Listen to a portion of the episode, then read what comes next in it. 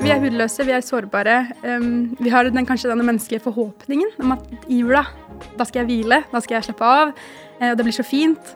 Men så har du jo fortsatt det juleselskapet hvor disse relasjonene kanskje knaker litt, eller du, Det er jo ikke noen magisk ting som skjer fordi vi bikker desember. Igjen velkommen til Vi snakker jula inn, en podkast fra Filadelfia-kirken Oslo. Og jeg heter David André Østby. Og jeg heter Hanne Ovidia Platsen, og gjennom disse fire episodene så både har vi og skal vi fortsatt snakke om jul. Vi har snakka om hvor julen kommer fra, hvor alle konfliktene i julen kommer fra. Og vi har snakket om uh, stemningsskaper nummer én, julemusikken. Og til å snakke med oss om alle disse tingene, så har vi også hatt med oss andre stemmer enn oss. Fire spennende gjester som har eh, og er med å dele sin kunnskap med oss om dette her. Og i dag så skal vi snakke om julestress og ja. julefred. Det gleder jeg meg veldig til, og gjesten dere skal møte er Kristine Gripsgaard, som vi skal presentere nærmere om noen få strakser. Hvordan eh, ligger stressnivået ditt eh, an? Altså, jeg, altså, jeg har en, en, kone som liker å kjøpe julegaver i oktober. Så hun er jo måtte ferdig for lengst. Eh, og så får jeg bare beskjed om at du kjøper eh, til den og den. Så jeg har ofte et liksom, par gaver å kjøpe. Eh, jeg liker jo å ta ting siste lita. Men uh, hun liker å gjøre det ganske god tid. Så julestress er det ikke så mye av. altså, Rett foran jul. Uh, da har vi sånn Og jeg liker egentlig denne måten å gjøre det på. Selv om jeg selv er en person som kunne løpt ut lille julaften og kjøpt siste gavene, og så har gjort det faktisk. Men jeg setter veldig pris på det å være litt planlagt. Det høres ut som en veldig deilig situasjon å være i. Ja, det er egentlig det. altså. Ja. Og det er jo på en måte en, en motsatt uh, side av saken enn det vi skal snakke om i dag. Fordi er det noe folk er i jula, så er det jo å være stressa. Mm. Og det virker som den julekvelden kommer like overraskende på oss, uh, i hvert fall med veldig mange, hvert eneste år.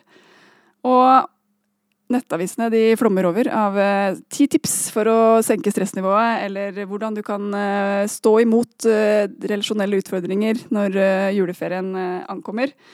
Og så synger vi jo om at dette er en søt og fredelig juletid, og idealet vårt er noe helt annet.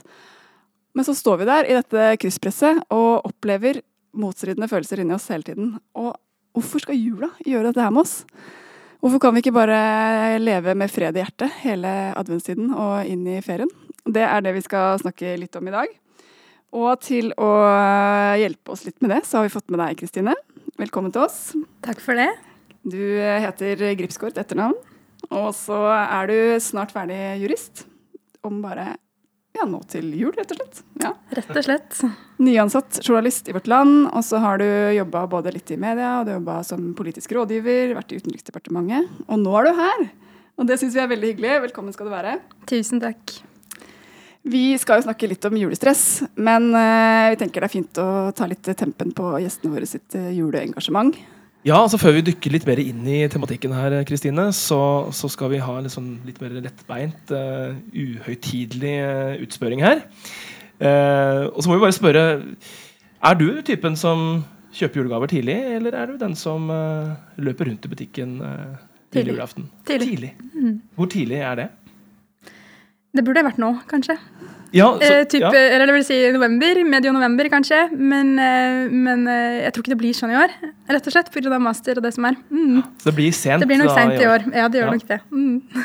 men, men, hvis vi skal ta en rask enten-eller her, da. Eh, litt sånn dilemma dilemmaer her, eller i hvert fall enten-eller. Ribbe eller pinnekjøtt?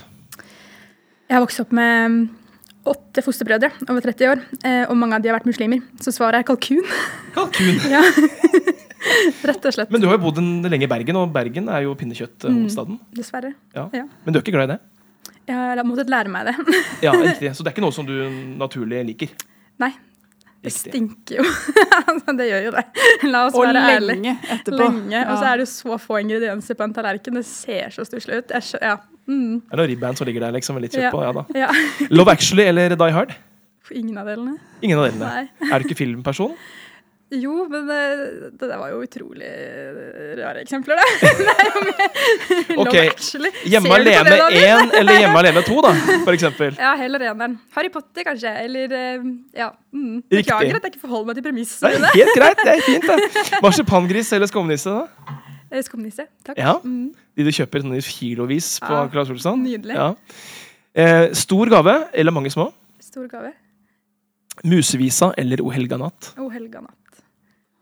Og så må vi ta da hjemmejul eller bortejul. Hjemmejul. Hjemme hos deg selv. Nei, jeg tør ikke det ennå. jeg vet at jeg må bli voksen på sikt, men eh, jeg tenker at grensa mi er 30. Da skal jeg begynne å invitere til egen jul. Jeg har sagt det til mamma og pappa òg, og de gleder seg.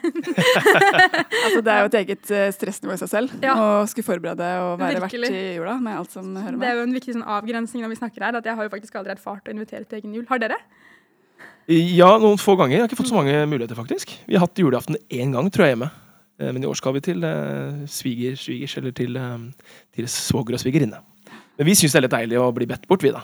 Eh, Så jeg har veldig lyst til å ha hjemmejul. Jeg har lyst til at barna skal oppleve å ha jul hjemme.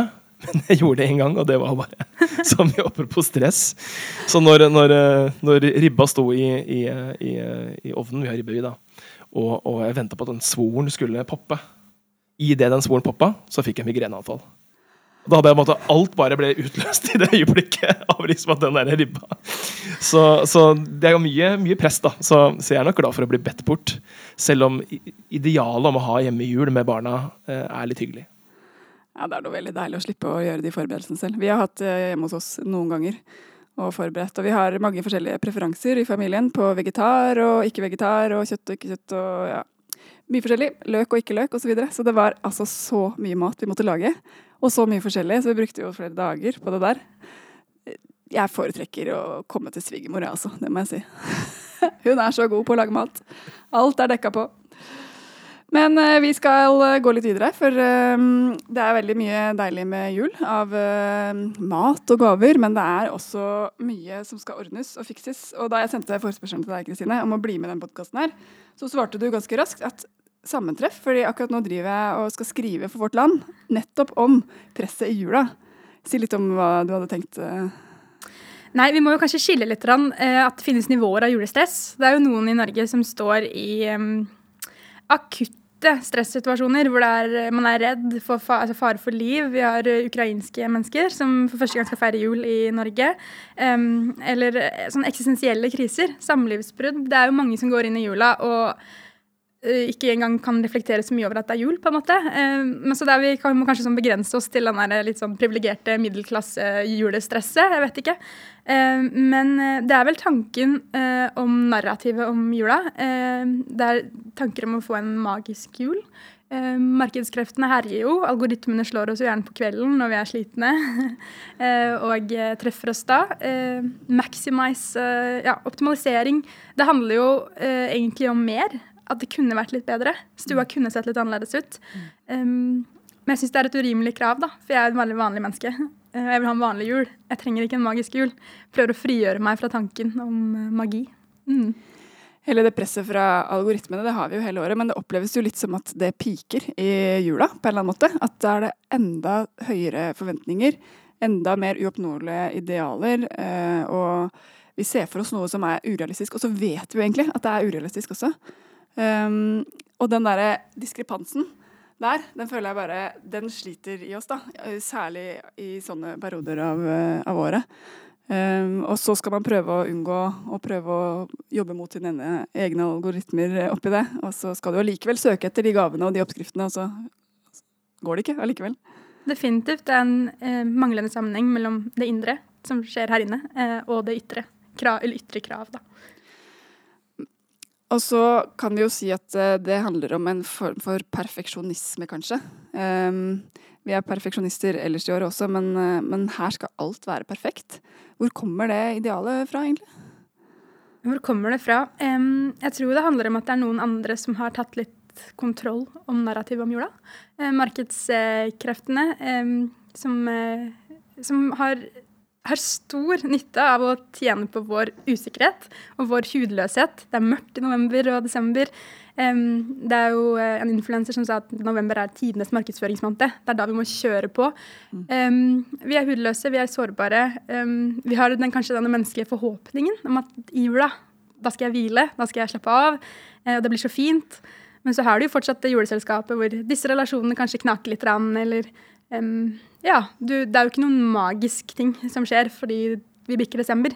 Um, problemene forblir jo de samme. Uh, ja, så jeg tror kanskje det. Men hvis du legger den kristne tanken om jula til grunn, um, så passer jo på en måte ikke Ilums bolighus inn i det hele tatt. Um, jeg prøver av og til å tenke at man burde ha en annen inngang til det. At um, hvis du legger den kristne tanken om jula til grunn, så er det noen ideer der som vi mennesker alltid har drevet på med. Forfølgelse. Segregering. Um, det er ikke plass til deg her. Det er ikke plass til deg på på ABC-klinikken i helga, men er, vi har en eller annen stall i Innlandet som vi kan tilby. Um, politikk, manntall. Men det er jo også noen nye ideer som kommer med Jesusbarnet. Uh, og da ikke minst Jesus som voksen, som handler om inkludering. Som handler om um, altså Jeg tenker så mye på kvinner og kvinners stilling. Hvem var det som rørte ved meg? Uh, og det at Jesus sier 'hvem', uh, jo handler om at hun skal få en identitet. Likeverd. Um, det er noen nye ideer som gjør at Ylums bolighus egentlig ikke passer inn i ligninga. Og da er det litt sånn Hva med å prøve bare å gå ut av ligninga? Hvorfor prøve å få det til å passe? Det er kanskje litt min sånn forsøk, et forsøk da, på å håndtere middelklassejulestress. Ja. Hva gjør du selv for å komme ut av det, den ramma der? Nei, altså jeg kan jo stå inne på Illums bolighus og tenke jeg bor i en grotte, liksom. Det er, eh, det er eh, det er uh, så mye vakkert og fint her, og egentlig så burde alltid leiligheten min forbedres. Og egentlig så burde barna mine få dette, dette, dette og dette også. Um, men så har de noe med å tenke, tenke at uh, OK, hvis du legger Jeg syns jo Lisa Børud er helt nydelig. Uh, og jeg har levd med henne i Eller jeg har ikke levd med henne, men jeg har hørt på henne i Hvor lenge er det hun har holdt på? I 20 år? Ja, ja jeg, jeg, er 28.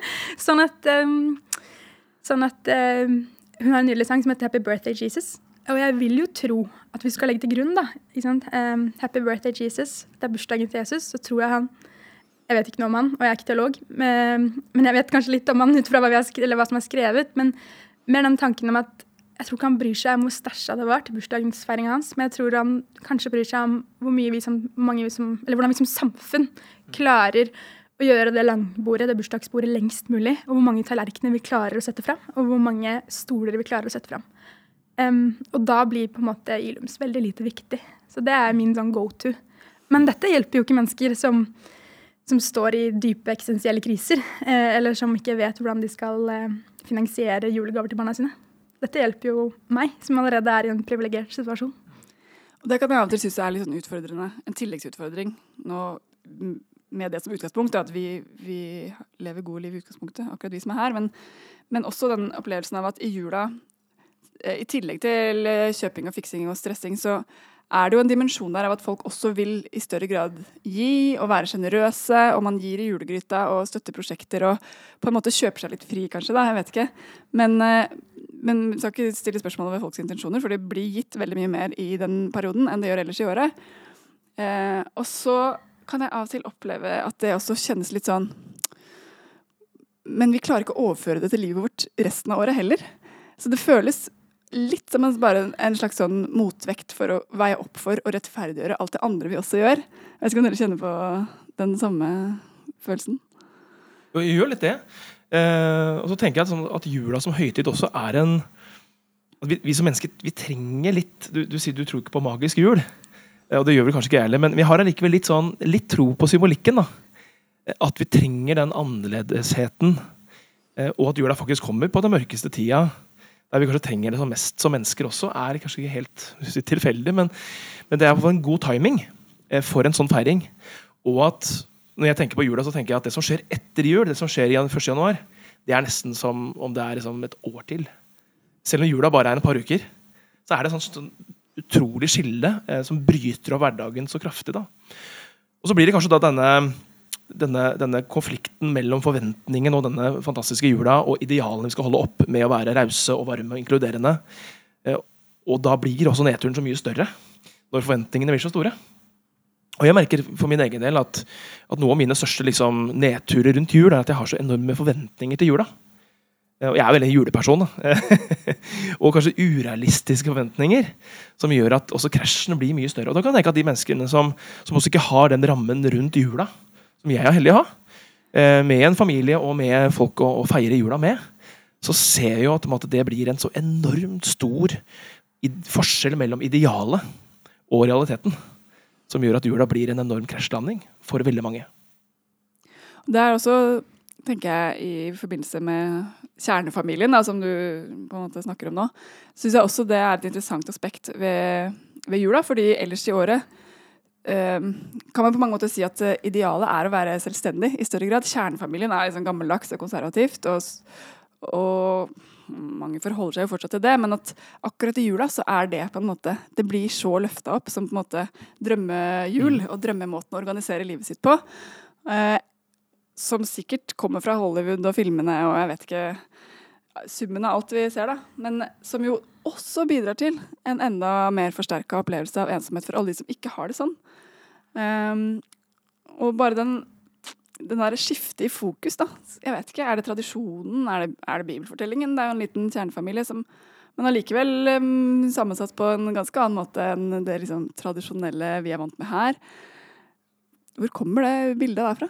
Ja, det er veldig morsomt at du sier, fordi Hvis du legger også stallen til grunn, så er det jo et slags usannsynlig fellesskap som møtes der. Mm. Mens uh, vi legger jo til grunn at det er de mest ordinære fellesskapene.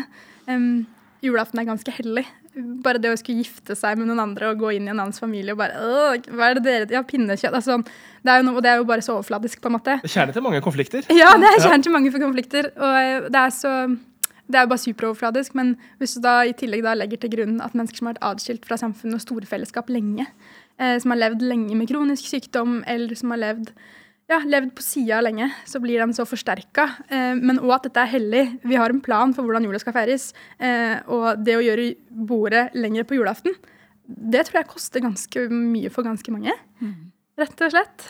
Ja. Det er kanskje den dagen i året som nesten er vanskeligst å mm -hmm. utvide det bordet. Fordi at tradisjonen er så satt, eller familiekonstellasjonen er sånn og sånn.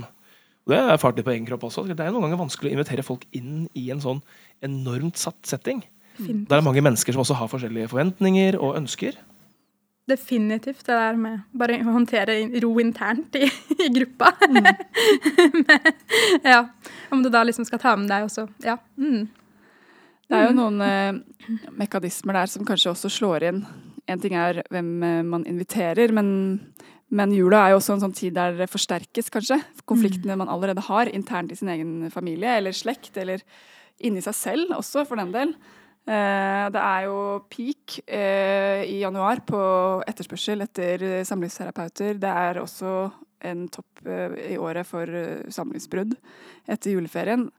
Man skulle jo liksom tro at når juleferien først kom, da endelig klarer vi å Det har vært stress fram til nå. Vi har ordna og fiksa, men nå kan vi i hvert fall slappe av. Og så skjer, for veldig mange så skjer det stikk motsatte. Man kommer inn i noen gamle mønstre eller spor eller jeg vet ikke om det er gjenkjennelig for dere, men plutselig står man der og så bare Hvorfor er det så dårlig stemning nå? Definitivt. Det er jo en forsterker. Jula er en forsterker. Vi er hudløse, vi har forventninger. Um, og det minner deg også på Du havner i ganske mange situasjoner som minner deg på det som allerede ikke fungerer bra. Jeg har jo vokst opp med mange fosterbrødre um, som av ulike årsaker har havna hos oss. Og er det kanskje én gang i året hvor du blir veldig minnet på at du egentlig egentlig, egentlig, uansett hvor mye vi vil, og hvor mye man prøver å få til den store tilhørigheten av et fellesskap, så ser de på julebildet i etterkant og tenker vet du hva, jeg har jo ikke samme hudfarge. Så det, er liksom, det er noe med at det er en sånn enormt forstøel, forstørrelsesglass da, på underliggende stress som allerede, allerede, ligger der, og som jeg tror må møtes, og som jeg tror ikke kan eh, skjerme, Vi kan ikke skjerme oss ut av den, eller vi kan ikke flykte ut av den. Eh, noe den stillheten i jula også bidrar til. da, At du møter dine egne dine egne stressmomenter i større grad, eller dine mm. egne tanker om utenforskap, eller ja, mm, ting som ikke funker. Og der igjen er jo julefortellingen en stikk motsatt fortelling, egentlig.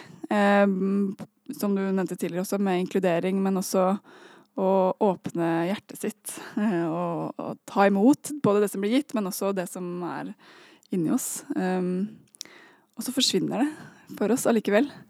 Og selvfølgelig, vi lever jo i, et, eh, vi lever jo i en tid der eh, det er mange som bytter ut julefeiring med vinterfest. og vi har forskjellige forhold til akkurat det, men, men det er allikevel sånn som vi kjenner julefeiringen, egentlig utgangspunktet. Og så stresser vi oss bort fra det, eller eh, glemmer på veien hva som egentlig er essensen her. Men er det likevel noen nøkler for å En ting er liksom, det er på samfunnsnivå, og så er det oss som enkeltmennesker. Å faktisk allikevel klare å snu dette her. Mm. Jeg tror um, Jeg tror det må Jeg tror ikke vi kan psykologisere oss ut av det. Jeg tror vi må, må gå inn angripe jula på en annen måte. En annen innfallsvinkel. Um, du kan uh, helt sikkert få mange gode råd av en psykolog, men, uh, men til syvende og sist så, så, tror jeg det handler om å, om å, erkjenne hva som egentlig var bakgrunnen for jula. Uh, og hvis du gjør det, så blir det på en måte Da blir det så irrelevant, da. Alt det der middelklassestresset man driver med, på en måte. Mm. Ja. Mm. Rett og slett. Jeg kjenner f.eks. folk som kan, kan, si at vi skal dempe materialismen, f.eks. Mm. i jula. Eh, I år kjøper vi ikke gaver til hverandre, eller barna får mm. mindre gaver. Og så er det så krevende, fordi at klart for de barna da, så, så blir jo den igjen en sammenligning som igjen kan skape en ny konflikt. Så det er ikke så lett å komme seg ut av den runddansen, er det det? Vi hadde akkurat den diskusjonen i familiechatten de, akkurat uh, i forbindelse med gaver denne jula her. Og forslaget var egentlig det at vi skulle droppe gaver. Vi skulle gi bort de pengene til et godt formål i stedet. Og internt i vår familie hjemme hos oss også, så hadde vi tenkt sånn jo, men det gjør vi i år.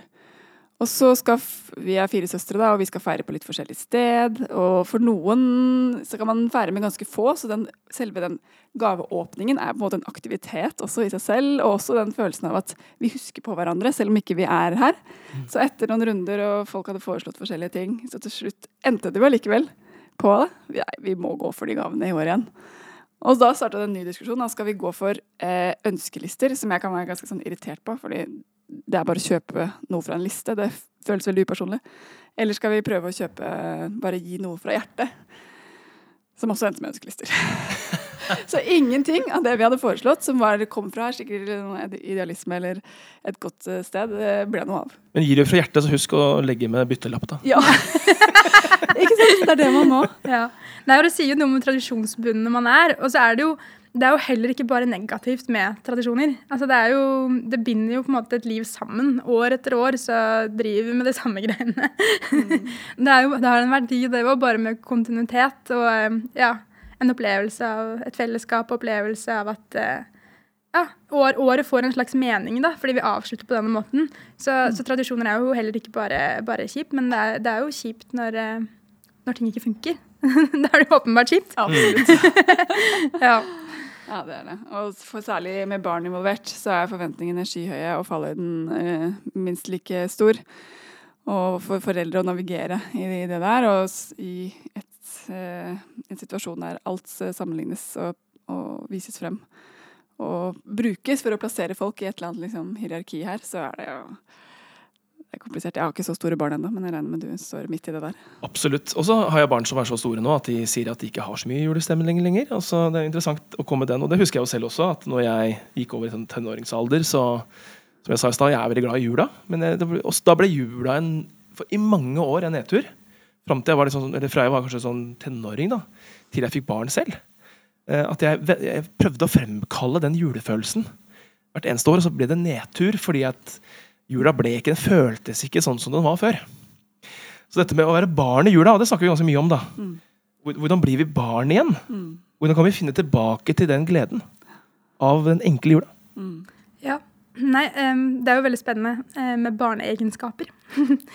det å leke. Mm.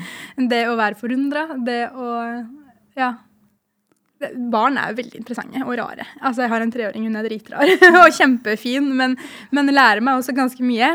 Um, ja, Det der med å utfordre den nysgjerrigheten. Uh, ja, Prøve kanskje å forlate disse voksne tingene bare for en liten stund. Men jeg tror også det er en tanke som vi også kanskje må slutte å jage litt. Den der hvite, fine barndomsjula med snø og um, 50-tall hvor alt var så blenda hvitt og nydelig, og vi koste oss. og liksom, ja, um, at ja, det, det, er en tid for alt, på en måte. Men at det sikkert går an å dykke ned igjen igjen hvis du utfordrer disse barneegenskapene litt. Da. Men uh, ja. Mm. Mm. Vi kaller det ofte barnas høytid. Ja, gjør vi ikke det? det gjør vi det. Mm. Og det kan jo gjøre det enklere for oss òg. Uh, det blir mindre press på oss, i hvert fall. Ja. Hvis det er først og fremst barna i fokus. Definitivt. Det er jo sånn historisk sett at uh, julefred var et sånn fysisk, faktisk konsept. Det var å legge ned våpnene, det var å ta en pause i konflikter, det var våpenhvile. Eh, mange steder var det faktisk det som skjedde. Eh, og jeg leste et sted at eh, i en finsk by som heter Åbo, så har de en lang tradisjon som fortsatt eksisterer, der det utlyses julefred fra klokketårnet i byen. Hver julaften klokka fem ish så er det noen som står og leser opp en eh, tekst, samme teksten hvert år, om at nå senker julefreden seg. Uh, ta den imot, senk våpnene, la konfliktene ligge. Nå er julefreden her. Hva er julefred eh, for deg, Kristine? Um, nei, julefred for meg um, Jeg syns det var veldig stas å se i hvert fall i fjor at hun uh, som da var to, begynte å pakke opp gaver og vise glede for det. Det var kjempestas.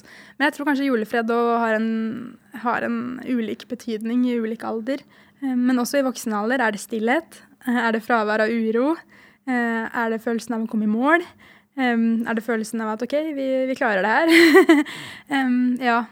Sånn at um, det må vel kanskje være en slags sånn fravær av juleuro, rett og slett.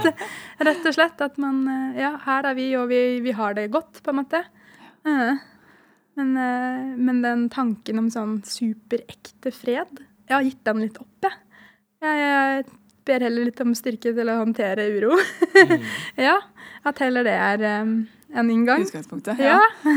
altså han som um i hvert fall jula sånn som vi kjenner det egentlig handler om. Jesus sa jo nettopp noe om dette. Når han uh, sier eh, 'min fred gir jeg dere', så sier han jo i samme setning 'la ikke hjertet bli grepet av angst og motløshet'. Og det kan man på en måte si er en variant av det du sier. Uh, fravær av angst, fravær av motløshet, gir opplevelsen av uh, fred i hjertet. Hva er julefred for deg, David Endre? Det er et godt spørsmål. Jeg tenker liksom på det du sier, dette med at um, man ikke skal be om fred, men heller bare be om styrke. da. Ofte så vil vi gjerne ta oss selv ut av det ubehagelige, eller, eller, erstatte det med en bedre følelse. Og det er jo ikke sikkert at det er situasjonen for alle. Og som vi har snakket om ganske mye denne, denne stunden her nå, så snakker vi om dette med, med jula som, som der, dette forstørrelsesglasset. Og de problemene man går inn i jula med, de vil man ha gjennom jula og etter jula, mest sannsynlig. Så det å kanskje Jeg syns det er spennende det du sier, da, dette med å kanskje heller be om styrke. Uh, men for meg så er julefred som prøve å det handler veldig mye om fridager selvfølgelig også. Eh, så Rent fysisk, man ikke skal på jobb, og man har liksom disse annerledesdagene. Og det prøver jeg å skjerme så mye som mulig, rett rett så konkret. Og prøver å, å, å, tenke at dette skal være en annerledes tid. Tenk at man kan faktisk gå i, i morgenkåpe morgenkopp og tøfler hele dagen, liksom. Og ligge på sofaen og spise godteri klokka ni om morgenen og se på film. Det skjer. Så vi trenger den annerledestiden. Og da tror jeg jula er helt fantastisk. til å, Og hvis du klarer å måtte frikoble det litt fra alle andres forventninger om hva min jul skal være. Eh, som jo impulsene rundt oss hele tiden forteller oss. Og prøve å finne ut hva er det jul, skal jula være for, for meg. Og, og, der har jeg vært borti mange familier med veldig mange morsomme tradisjoner gjennom årene. Altså. Som spiser middag klokka to om natta. Og som, altså den der snu døgnet. Og, det syns jeg er litt morsomt. Eh, og det tror jeg vi trenger. da. Eh, og så vil det se veldig forskjellig ut fra, fra situasjon til situasjon og familie til familie. Men det er mulig å få til. Den annerledesheten eh, så mye som mulig. Og da blir jula magisk allikevel? På sitt sett kan den bli det.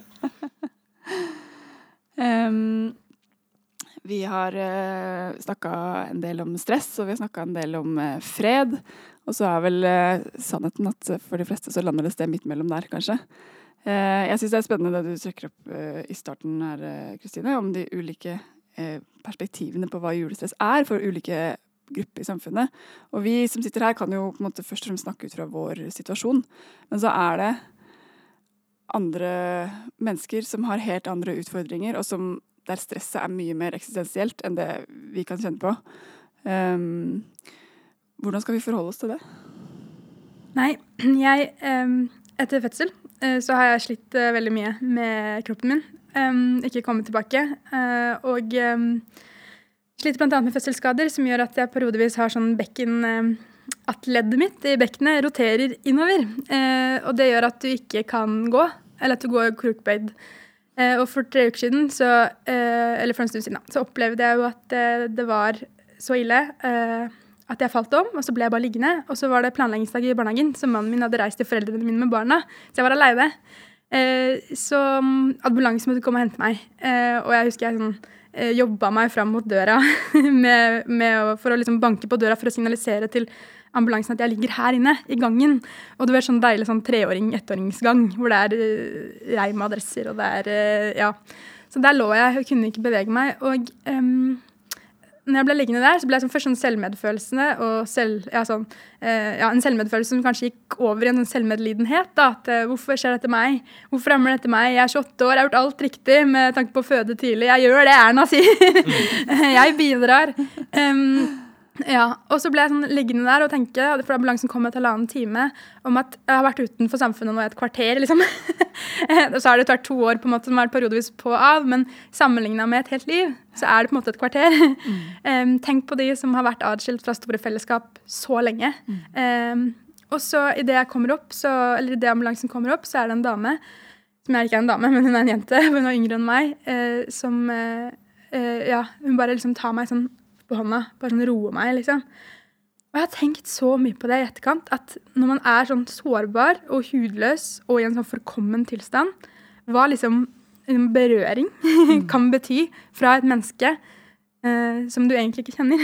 Eller eh, Veldig sånn Egil Svartdal-greie her nå. Griner av egne historier. Det er ikke bra. Eh, er det smittsomt? ja. Men hva det kan bety med sånn usannsynlige handlinger gjort til nestekjærlighet. Og det tenker jeg kanskje spesielt nå når vi står overfor den jula vi står overfor. at jeg kommer aldri til å glemme den tanken, for det har ligget der så lenge. og, og liksom glemme den berøringa, og at hun kom bare og tok på meg. Um, hva kan det bety for andre som har vært utenfor ikke bare et kvarter, men som har vært utenfor i mange år? Uh, at noe og noen som ikke egentlig er en del av deres nettverk eller fellesskap, gjør noe nestekjærlig. Jeg veit ikke, men jeg tror ja, det opplevdes smittsomt. Mm. eh, og jeg har tenkt mye på det i etterkant, at hvis vi denne jula er så privilegerte at vi er i en posisjon hvor vi har økonomisk overskudd, hvor vi har overskudd, relasjonelt overskudd, så, så, er det et privilegium å kunne få lov til å gi. Det er ikke alle som er der, og i hvert fall ikke denne jula. Men, men, hvis vi er der, så bør vi gjøre noe for å mm. møte andre som ligger nede. Mm. Ja, det har jeg reflektert uh, veldig mye over, i hvert fall. Eh, at um, ja, og det er ikke alle, er, Noen har ikke alt. Noen har økonomisk overskudd, noen har relasjonelt overskudd. Vi er forskjellige, vi har forskjellige ressurser. Uh, men, å, men, å, være i en sånn situasjon hvor du på en måte har det overskuddet i en eller annen form, det er å være privilegert, da. Mm. Mm. Det er vel jødene som, som Jeg husker ikke hvilken høytid det er, men de alltid dekker, opp, dekker på mm. en ekstra plass mm. for Messias. da. Eh, men jeg tenker jo det gjør det også, at eh, de aller fleste av oss har jo det overskuddet. Har jo den muligheten for å faktisk kunne dekke på en ekstra. Eller kunne være den som altså I løpet av en jul så har man ganske mange juleselskaper ofte. Eh, en av de kveldene, en av de dagene kan man gi rom for noen som trenger det. Og være en person som tok deg på skulderen, mm. eller være den som bare får den telefonen, ja. kan for noen endre en hel jul. Mm. Ganske lite mm. for meg, men ganske mye kanskje potensielt for noen andre. Mm. Pepperkaker på døra. Altså, vi, er, vi, har så forskjellig robusthet, da, mennesker. Vi går, vi har så forskjellige forutsetninger for å takle en høytid. Eh, og vi vet aldri hvor langt nede noen er til at liksom bare ok, kan jeg tenke om vi kan bare få løfta noen bitte litt opp. liksom. Mm. Og så får man starta de der gode spiralene igjen. da. Mm. Jeg veit ikke. Men jeg tror også det gjelder innad i kirkene. At vi tror vi vet hvordan folk har det, men så man, vet man ikke det. Mm. Eller eh, ja, at vi òg kan bli flinkere på å ta vare på de som er her.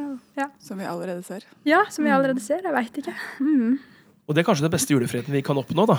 Ja. Å faktisk vite at vi har gjort noe ja. for noen andre. Mm. Definitivt. Det tenker jeg er et bra sted å avslutte. Julefreden er å dele fred med andre. Og det er eh, oppfordringen og utfordringen til eh, oss i dag. Tusen takk, Kristine, for at eh, du ville komme hit og snakke med oss om alt det her og dele av det du har eh, tenkt og gjort og opplevd. Takk for at jeg ble bedt. Veldig fint. Hanne, det var en inspirerende samtale. Det var det. Jeg eh, har så lyst til å klare å gå inn i denne jula med litt mer senka skuldre. Mm. Og litt bredere perspektiv på hva jula handler om. Det er ikke bare mitt stress, men det er mange der ute som opplever dette som en krevende tid. Mm. Klare å løfte blikket og dele julefred. Ikke bare med meg selv, men med alle de rundt meg som trenger det litt mer. Så tar jeg med meg at det skal kanskje ikke så mye til, da. Eh, heller for å åpne litt opp og gjøre jula litt varmere for noen. Eh, og at vi alle kanskje kan tenke på noen ideer rundt hvordan det kan se ut i vårt liv. Jeg tenker jo at eh, det er verdt å ta med seg hvor enkelt det kan være å spre juleglede. Mer enn at det skal bli et stort, komplisert prosjekt, så kan vi alle sammen få være med på det. Mm. Men du Hanne, du nevnte jo denne julefredlysningen i den finske byen eh, Åbo. Og jeg ble litt interessert i det. eh, hva den er for noe. Og da er det flaks for deg, David, fordi jeg har den faktisk her. Og jeg tenkte verden skulle nesten tro det var avtalt. veldig Og jeg ser for meg at det kan være en veldig fin avslutning. Vi er jo i siste episode av denne podkasten. Og å avslutte med å lese denne julefredslysningen til alle dere der ute. Til alle dere der hjemme. Her kommer julefredslysningen fra Åbo. I morgen, om Gud vil, kommer Vår Herre og Frelsers nådige fødselsdag. Og en generell julefred er herved forkynt og påbudt med en oppmuntring til alle om å feire denne høytiden med tilbørlig hengivenhet, og ellers ivareta en stille og fredelig oppførsel. Til slutt ønskes alle en gledelig julehelg. Vi kunne ikke avsluttet denne episoden eller denne korte podkastserien på en bedre måte. Og du som hører på, er kanskje vi nå allerede er inne i jula. Eh, og med de ordene så takker vi for følget. Programledere har vært Hanne Ovidia Platsen og David André Østby. Tekniker for disse episodene har vært Markus Skjennum Løken og Vetle Jarlandsen. Og musikken det er laget spesielt for denne podkasten av Hans Erling Klevstad. Og hvis du ønsker mer informasjon om Filadelfia-kirken, om gudstjeneste vi feirer, om julaften-gudstjeneste for den del, eller annet godt innhold, så finner du det på filadelfia.no, og også i alle våre sosiale mediekanaler. Så da gjenstår det da, David, bare å ønske alle sammen En riktig god jul.